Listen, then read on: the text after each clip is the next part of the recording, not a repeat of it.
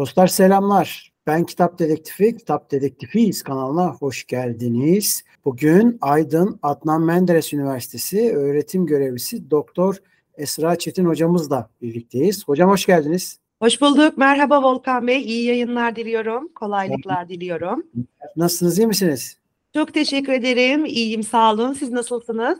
Sağ olun, teşekkür ederim. Hocamızın 9 Eylül Üniversitesi Edebiyat Fakültesi dergisinin son sayısında kadro hareketi ve kadrocuların sanat anlayışı 1932 ile 35 yılları arasındaki bir makalesi var. Onun vesilesiyle kendisine bir davette bulunduk. Kırmadı bizi. Makalenizi okuduktan sonra aklımıza bazı sorular geldi. Bununla ilgili sizden bir yardım rica edeceğiz. Tabii evet. ne demek? Seve seve. Hocam konumuz tabii kadro dergisi olunca ana temamız bunun üzerine şekil alacak tabii. Kadro dergisinin kuruluş süreci ve amacı ne şekildeydi? Şimdi kadro dergisine başlamadan önce isterseniz biraz makalenin yazılma sürecinin başına gidelim. Aslında bu doktora sürecindeyken, doktoramız devam ederken henüz ders aşamasındayken hatta. Bu arada ben müzikoloğum, müzik bölümünde çalışıyorum. Bir müzikoloji perspektifinden yaklaştım. Çünkü kadro dergisiyle ilgili zaten siyasi, edebi ve iktisadi olarak yeteri kadar yayın var. İzleyicilerimiz, dinleyicilerimiz zaten e, gerekli araştırmayı yaptıklarında kolayca görebilecekler. Pek çok tez de var kadro dergisiyle ilgili ama benim ilgimi çeken şu olmuştu doktoranın ders sürecinde bir ödevimiz vardı. Ödevde de tabii ben her şeyi tarihi ve müziği karıştırarak e, yapmaya çalışıyorum. İşte siyaset ve müziği karıştırarak yapmaya çalıştığım için işte 30'lu yıllardı konumuz. 1900 işte 20'li yılların sonu, 30'lu yılların başı işte Cumhuriyet rejiminin tam olarak ideolojik zeminde oturtulmaya çalışıldığı bir dönem. Ben ne yapabilirim bu dönemde? İşte sıkıcı da bir konu olmasın, ilgi de çekici bir konu olsun. Ya dedim ben dönemin hani süreli yayınlarına bir bakayım. Kadro dergisi, derse de konuşmuştuk kadro dergisi ve kadro hareketiyle ilgili. Ya dedim acaba kadro dergisi 36 sayı çıkmış ama kadro dergisinin içerisinde sanat, müzik ya da işte resim yani sanatın herhangi bir dalıyla ilgili makale var mı? O dönemde bu benim kafamda kaldı. Bir yapılacaklar listemiz var biz akademisyenlerin her zaman. O dönemde yazmıştım. Sonra doktora sonrasında tabii listelerimizi kontrol ediyoruz. Yaptıklarımıza tik atıyoruz. Yapmadıklarımızı önümüze alıyoruz. Ya dedim ben böyle böyle bir ödev hazırlamıştım. Hani bunun da işte sanat yönüne bakayım demiştim. Bu makalenin de çıkış serüveni bu oldu. İncelememiz sonucunda herkesin bildiği gibi Kadro Dergisi 1932 yılının Ocak ayında yayına başlıyor. 35 yılının Ocak ayına kadar toplamda 36 sayı çıkan bir dergi. Ve elbette ki Kadro Dergisi'nin çıkmasındaki temel amaç işte milli mücadelenin zaferle kazanılması sonucu 1923 yılında ilan edilmiş olan Cumhuriyet'in fikri zeminini oluşturmak, belli bir ideoloji çerçevesine oturtmak. Acaba dedim 30'lu yıllarda kadrocular sanata nasıl bakıyordu, müziğe nasıl bakıyordu diye bir merakın sonunda çıkan bir makale aslında. Çünkü kadro hareketi ve kadro akımı, hareketi pek çok ismi var. Derginin ismi de kadro olduğu için edebiyat konusunda, dil tartışmaları konusunda, kadronun kırsala bakışı konusunda pek çok yayın yapılmış var ama bizim yayınımızın özelliği de sanata bakış açısını ele alması bakımından ilk olması.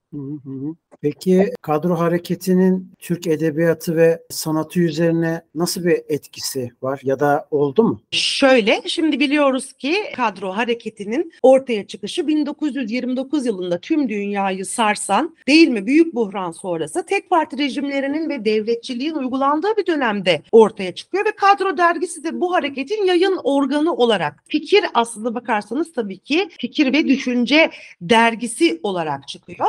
Ocak 32'den Ocak 35'e kadar toplamda 36 sayı çıkıyor. Kadro dergisinin yazarlarına baktığımızda, A takımına baktığımızda tabii ki edebiyatın önüne gelen isimlerinden Yakup Kadri Karaosmanoğlu, Şevket Süreyya Aydemir, Vedat Nedim Tör, Burhan Asaf Belge, Mehmet Şevki, Yazman İsmail Hüsrev Türkin gibi e, dönemin entelektüellerinin oluşturduğu bir yazar kadrosunun kadroyu oluşturduğunu görüyoruz ve kadro dergisinin aslında temel amacı Türkiye'deki yeni rejime özgü bir ideoloji arayışını temele oturtma çabası. Dolayısıyla dönemin şartlarına uygun olarak kadro dergisi özellikle devletçilikle ilgili görüşleriyle ön plana çıkarken çok ağırlıklı olarak ekonomi, iç politika, dış politika, iktisat gibi konulara özellikle ağırlık vermekle beraber tabii ki edebiyat zaten Yakup Kadri çok kilit bir rol oynayacaktır kadronun çıkmasında. Elbette ki kültür, edebiyat, medeniyet gibi konularda da müzik. Müzik üzerine çok yok. iki tane var. Genellikle ağırlıklı olarak sanat, sanatın, sanat felsefesi üzerine ele alınmış konular. Ama biz tabii ki farklı disiplinleri kadro dergisinde görebiliyoruz ama tekrar söylüyorum ağırlıklı olarak ekonomi ve iktisadi ve devletçilik politikaları üzerine yazarların kaleme aldıklarını görüyoruz dergide. Sanat anlayışları bu noktada ne şekilde peki hocam? Şimdi Kadro Dergisi'nin sanat anlayışları aslına bakarsanız oldukça ilginç. Neden ilginç? Toplamda Kadro Dergisi'nde sanat ve müzik üzerine 6 farklı sayıda Toplam 7 makale yayınlanıyor. Bu makalelerin ilki 13. sayıda başlıyor. Zaten ilk 13 sayıda hani sürekli işte devlet kontrolündeki ekonomi, iktisadi, devletçilik bunların işte arka planlarını açıklama, işte Türk inkılabının bir zemine oturtma çabası. Zaten özellikle kadro hareketinin çıkmasındaki bir süreç var elbette ama özellikle Şevket Süreyya Aydemir'in Ankara Türk Ocağı Genel Merkezi'nde ki konferansı çok etkilidir zaten kadro hareketinin çıkmasında. Türk İnkılabı'nı anlatır. Türk İnkılabı'nın Birinci Dünya Savaşı'ndan sonra ki savaş döneminden sonra ki dünya konjüktüründeki yerini anlatır ve diğer bağımsızlık mücadelesi veren milletler için Türk İnkılabı'nın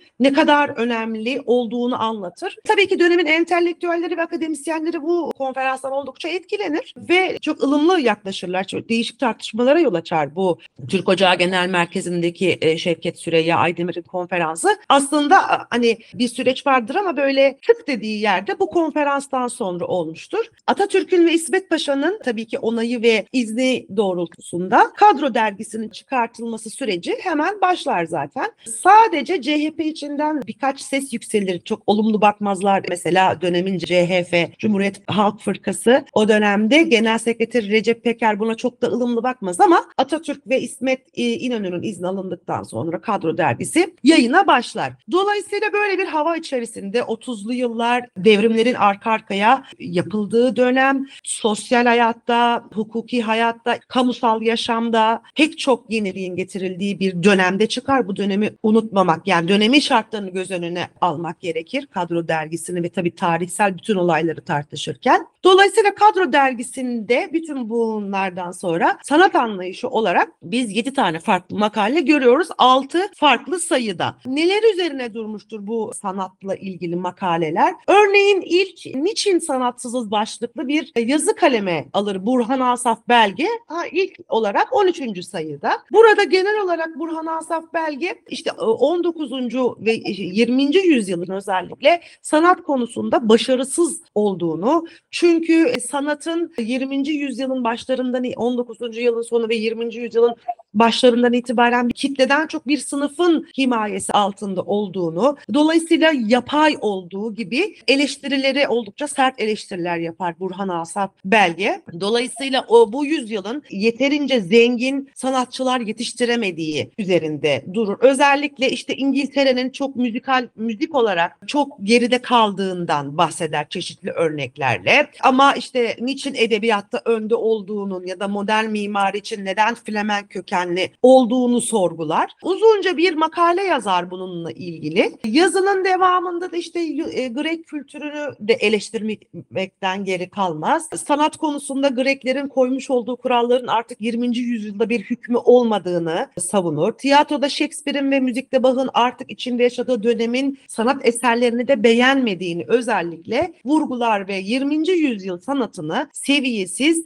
ve eskimiş olarak değerlendirir. Bu soruları da yine kendisi kalemiyle izleyicisine, okuyucusuna sorar. Acaba bunun sebebi nedir diye. Sorduğu sorunun cevabını da yine kendisi verir. 19. yüzyılın başından itibaren hayatın akışının değiştiğini, dünyada hızlı bir şekilde işte makineleşmeye gidildiğini, dolayısıyla bu insanın aklı ve ruhi bünyesinde çeşitli farklılıklar yarattığını ve bu da insanla sanatın arasındaki uçurumu giderek e, açtığını özellikle vurgular. Özetle kadroculara göre daha doğrusu Burhan Asaf belgeye göre 19. yüzyılda sanat yapay ve bir sınıf ideolojisine bağlı olduğu için diğer pozitif bilimlere kıyaslandığında oldukça zayıf kaldığını, gelişemediğini ve suni ve yapay kaldığını özellikle vurgular bu ilk makalesinde. Tabi burada kadrocuların zaten özellikle Burhan Asaf belge çok fazla sanatla yani 7 makalenin işte 5'i Burhan Asaf belge tarafından yazılmıştır. Bir tanesini Yakup Kadri yazacaktır. Ona birazdan kronolojik olarak gittiğimiz için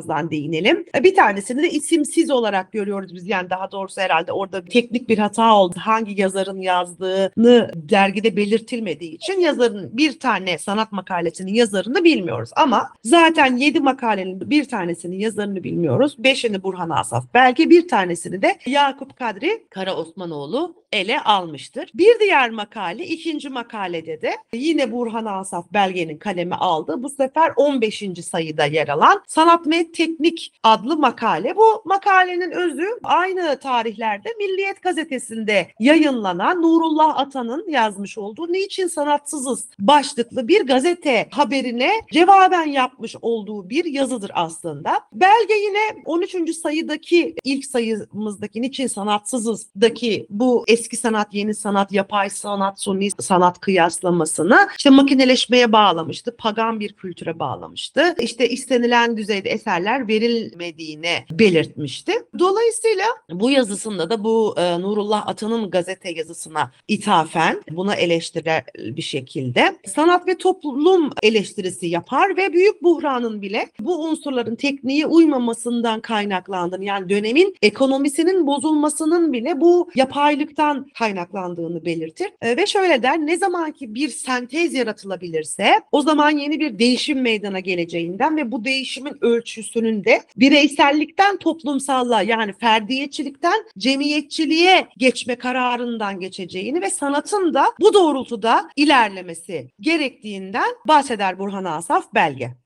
İkinci makalemiz de böyle. Sanat konusundaki üçüncü makale ise yine 16. sayıda Yakup Kadri Kara Osmanoğlu tarafından ele alınır ve samimiyete davet başlığını taşır. Yazı Kara Osmanoğlu'nun makalesinde genel olarak biz Türk sanatlarının Batı kültürüyle tanıştığından beri kendi ruhundan ve kendi kültüründen oldukça uzaklaştığı eleştirisi üzerine yaptığını görürüz. Yakın zamanda Avrupa'da müzik eğitimi almış bir sanatçının konserinde gördüğü manzarayı tasvir eder Yakup Kadri Karosmanoğlu ve bu manzarayı edebiyatçılara da atfederek konuyu bu bağlamda incelemeye çalışır. Karosmanoğlu'na göre her şeyimizde Avrupalı sanatkarlar gibi yaparsak, bütün onların tekniğini ele alırsak bu sefer bizim kendi kültürümüze işte Türk şairinin, Türk sanatkarının ruhunu kaybedeceğinden korkar ve şunu söyler. Türk sanatkarı sanatkarı garp kültürüyle temasa gelir gelmez kendi ruhundan utanmıştır. Bilmem ki onu nereye kapatmıştır. Zavallı ruh bilmem hangi mahzende, hangi kovukta, hangi deliğin içinde tıkılmış duruyor gibi uzun bir açıklaması var. Dolayısıyla Türk sanatkar ve edebiyatçısını ruhunu saklamakla eleştirir ve yazısının sonunda da sanatkarlar ruhlarından utanmamaları ve onları hapsettikleri yerden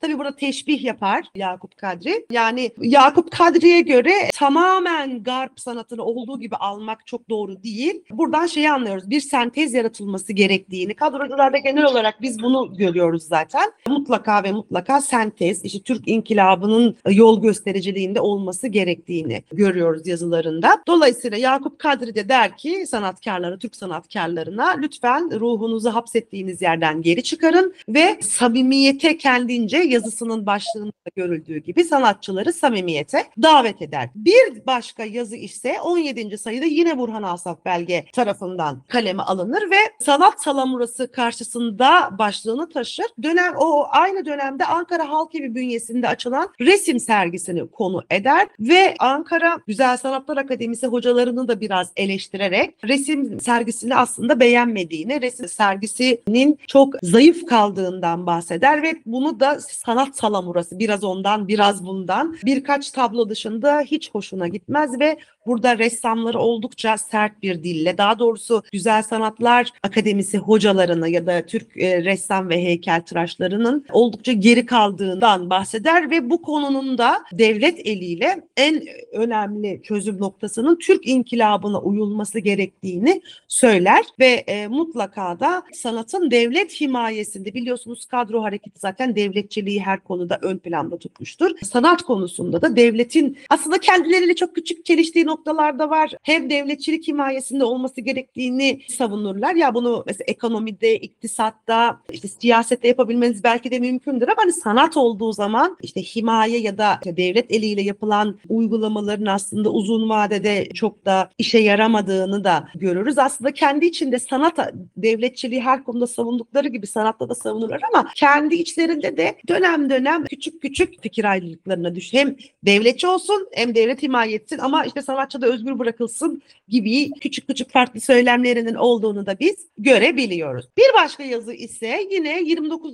sayıda Yakup Kadri Karaosmanoğlu tarafından ele alınır ve sanat ölçüleri başlığını taşır. Yazar makalesinde halkla eser arasındaki ilişkinin sanatla hayat arasındaki ilişkiye paralel olduğunu da uzun uzun bahseder ve halkla temas halinde olması gerektiğinden bahseder. Şunu savunur yani sanat sanat için değildir, sanat cemiyetler ve halklar içindir fikrini savunur Yakup Kadri Karaosmanlı. Bunu özellikle savunmakta ve bir diğer makale ise yine Burhan Asaf Belge. Dedim ya ikisi özellikle yazıyor Yakup Kadri ve Burhan Asaf Belge. Bir diğer makalede yine inkılap sanatına varma yolları başlığını taşır. Burada da diğer makalelerde değindikleri üzere Türk inkılabını bir anahtar görevi görerek Türk inkılabını bütün sanatçılara ve edebiyatçılara göz önüne alarak sanatta ilerleme olması gerektiğini ifade eder ve savunur. Yani dolayısıyla Türk sanatçılarına, Türk sanatkarlarına her branştan Türk inkılabını kendilerine düstur alarak eserlerini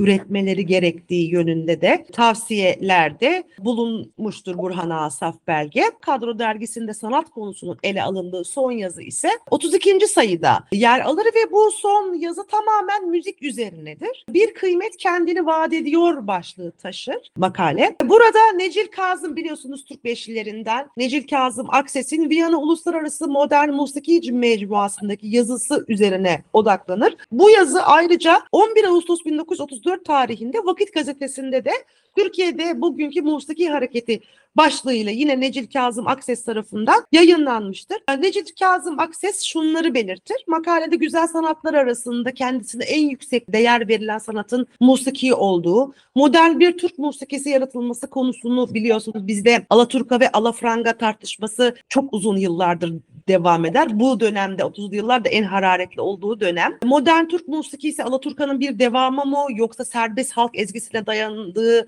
şekilde ve bu şekilde Rus musikisinin yolundan ilerleyen bir hareket mi ya da doğrudan doğru o günkü Batı musikisinin, Batı müziğinin daha başlangıcından itibaren kendisi mi olmalıdır gibi sorulara cevap aranmakta.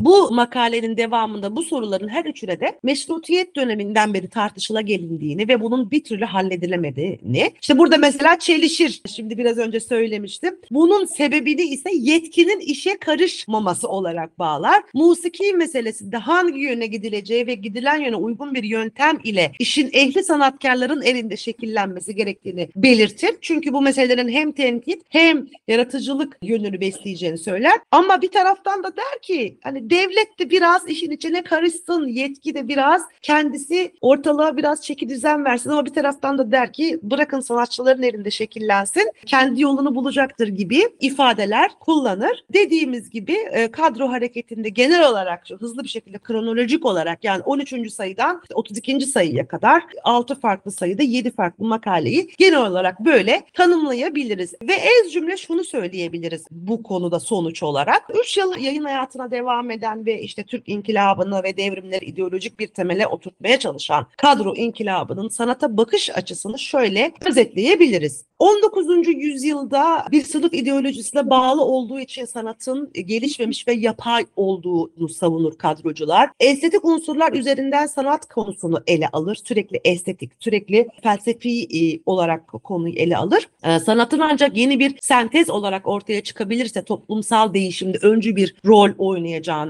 vurgularlar.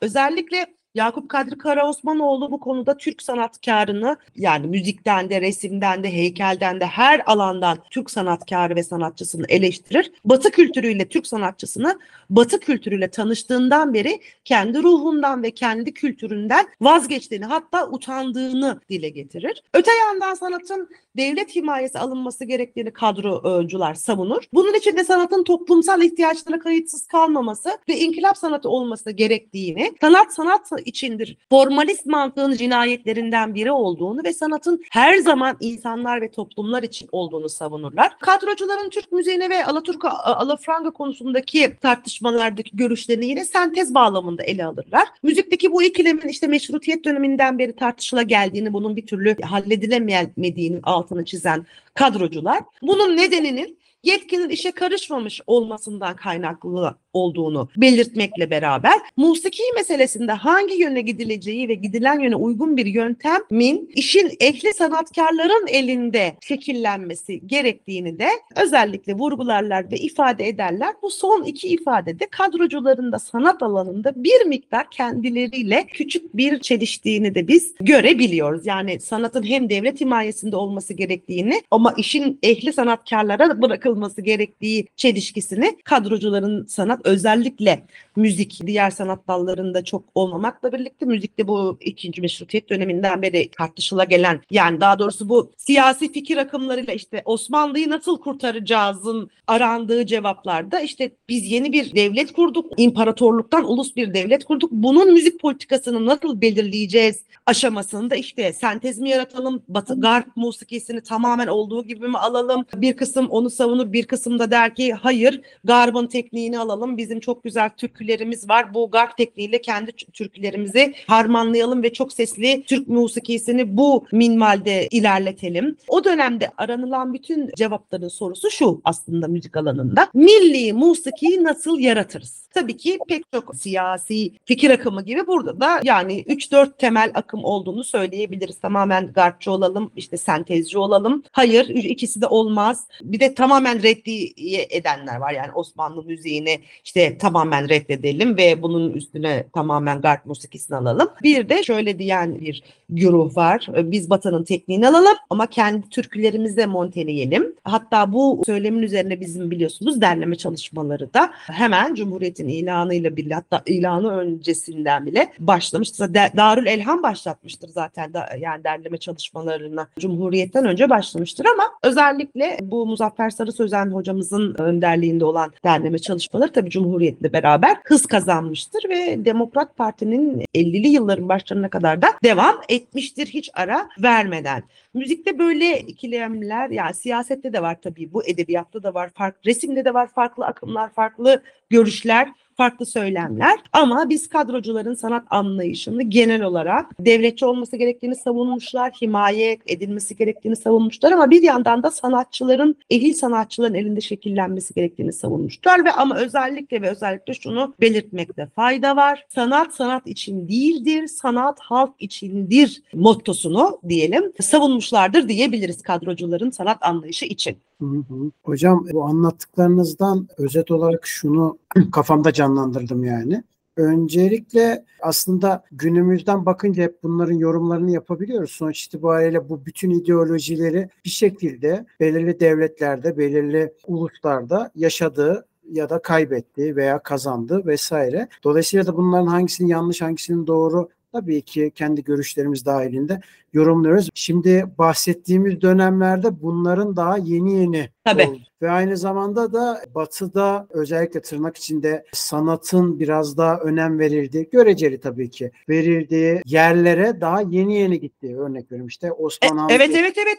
gibi kişilerin mesela yeni yeni gittiği şeyler oluyor. Dolayısıyla da buradan çıkan bir şeyde bu tezatlıklar, şimdi böyle de söyleyince biraz Osmanlıcı gibi oldum da hayır değil tabii ki. Hayır hayır E, yani derginin kendi söylemlerinde bile küçük tezatlıklar mümkün. Evet, evet. Dolayısıyla da gayet tezatlıkları görmek gayet beklenebilir bir şey oluyor. Beklenebilir, öngörülebilir ve kabul edilebilir. Konuşmamızın başında onu söylemiştim. Yani 2024 yılında 1932'deki kadro hareketini objektif olarak değerlendirebilmemiz için dönemin şartlarını kesinlikle göz önüne al. Yani 2024'ün şartlarına göre değerlendirmememiz gerekiyor. Tabii. 1930'lu yıllar sert bir dönem. İkinci Dünya Savaşı'nın ayak sesleri duyulmaya başladı. İşte 29 yılındaki buhran ekonomi dünya üzerinde büyük bir buhran var. Tam bu dönem Cumhuriyet çok yeni. Her şeyin ideolojik bir zemine oturtulmaya çalışıldığı bir, bir dönem. 30'lu yıllar oldukça sert gelişmelerin yaşandığı bu dönem. Buna bu pencereden bakmak lazım. Ben bunu şuna bağlıyorum Volkan Bey. Şimdi kadrocular e, evet dönemin entelektüelleri kesinlikle bunda hiçbir problem yok. Çok önde gelen edebiyatçıları, entelektüelleri, çoğu zaten siyasetçi, aynı zamanda hukukçu, pek çok kimlikleri var. Şimdi sanat üzerine yazdıkları bu makalelerin bu çetrefilli durumunu ben şundan olduğunu düşünüyorum. En nihayetinde hiçbiri sanat eğitimi almış insanlar değil aslında bakarsanız. Yani müzik makalesini yazmış kişi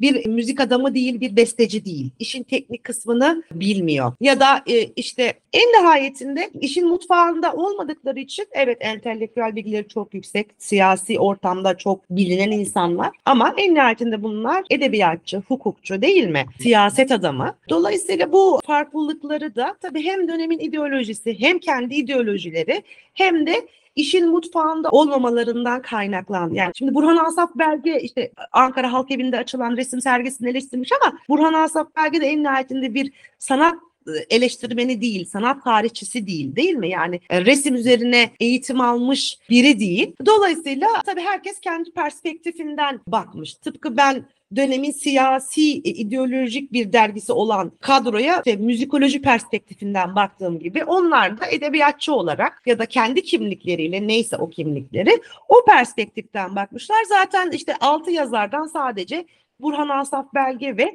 Yakup Kadri Kara Osmanoğlu bu konuda yorum yapmış, eleştiri getirmiş. Diğer ağırlıklı konular dediğimiz gibi devletçilik özelinde, e, iktisat özelinde, ekonomi özelinde Türk inkılabını fikirsel ve ideolojik zemini oturtma çabaları üzerine de yer bütün bu yazılar diyebiliriz. Kendi meslekleriyle ya da aldıkları eğitimle ilgili olmamasından da kaynaklanabilir bu çok küçük nüans farklılıkları diye düşünüyorum açıkçası. Evet. Evet, evet. Hocam son olarak şunu da söyleyeyim sonra da bitirelim. Tabii. Ben yine anlatılanlar üzerinden sohbetiniz üzerinden Namık Kemal'den de mesela görüyorum.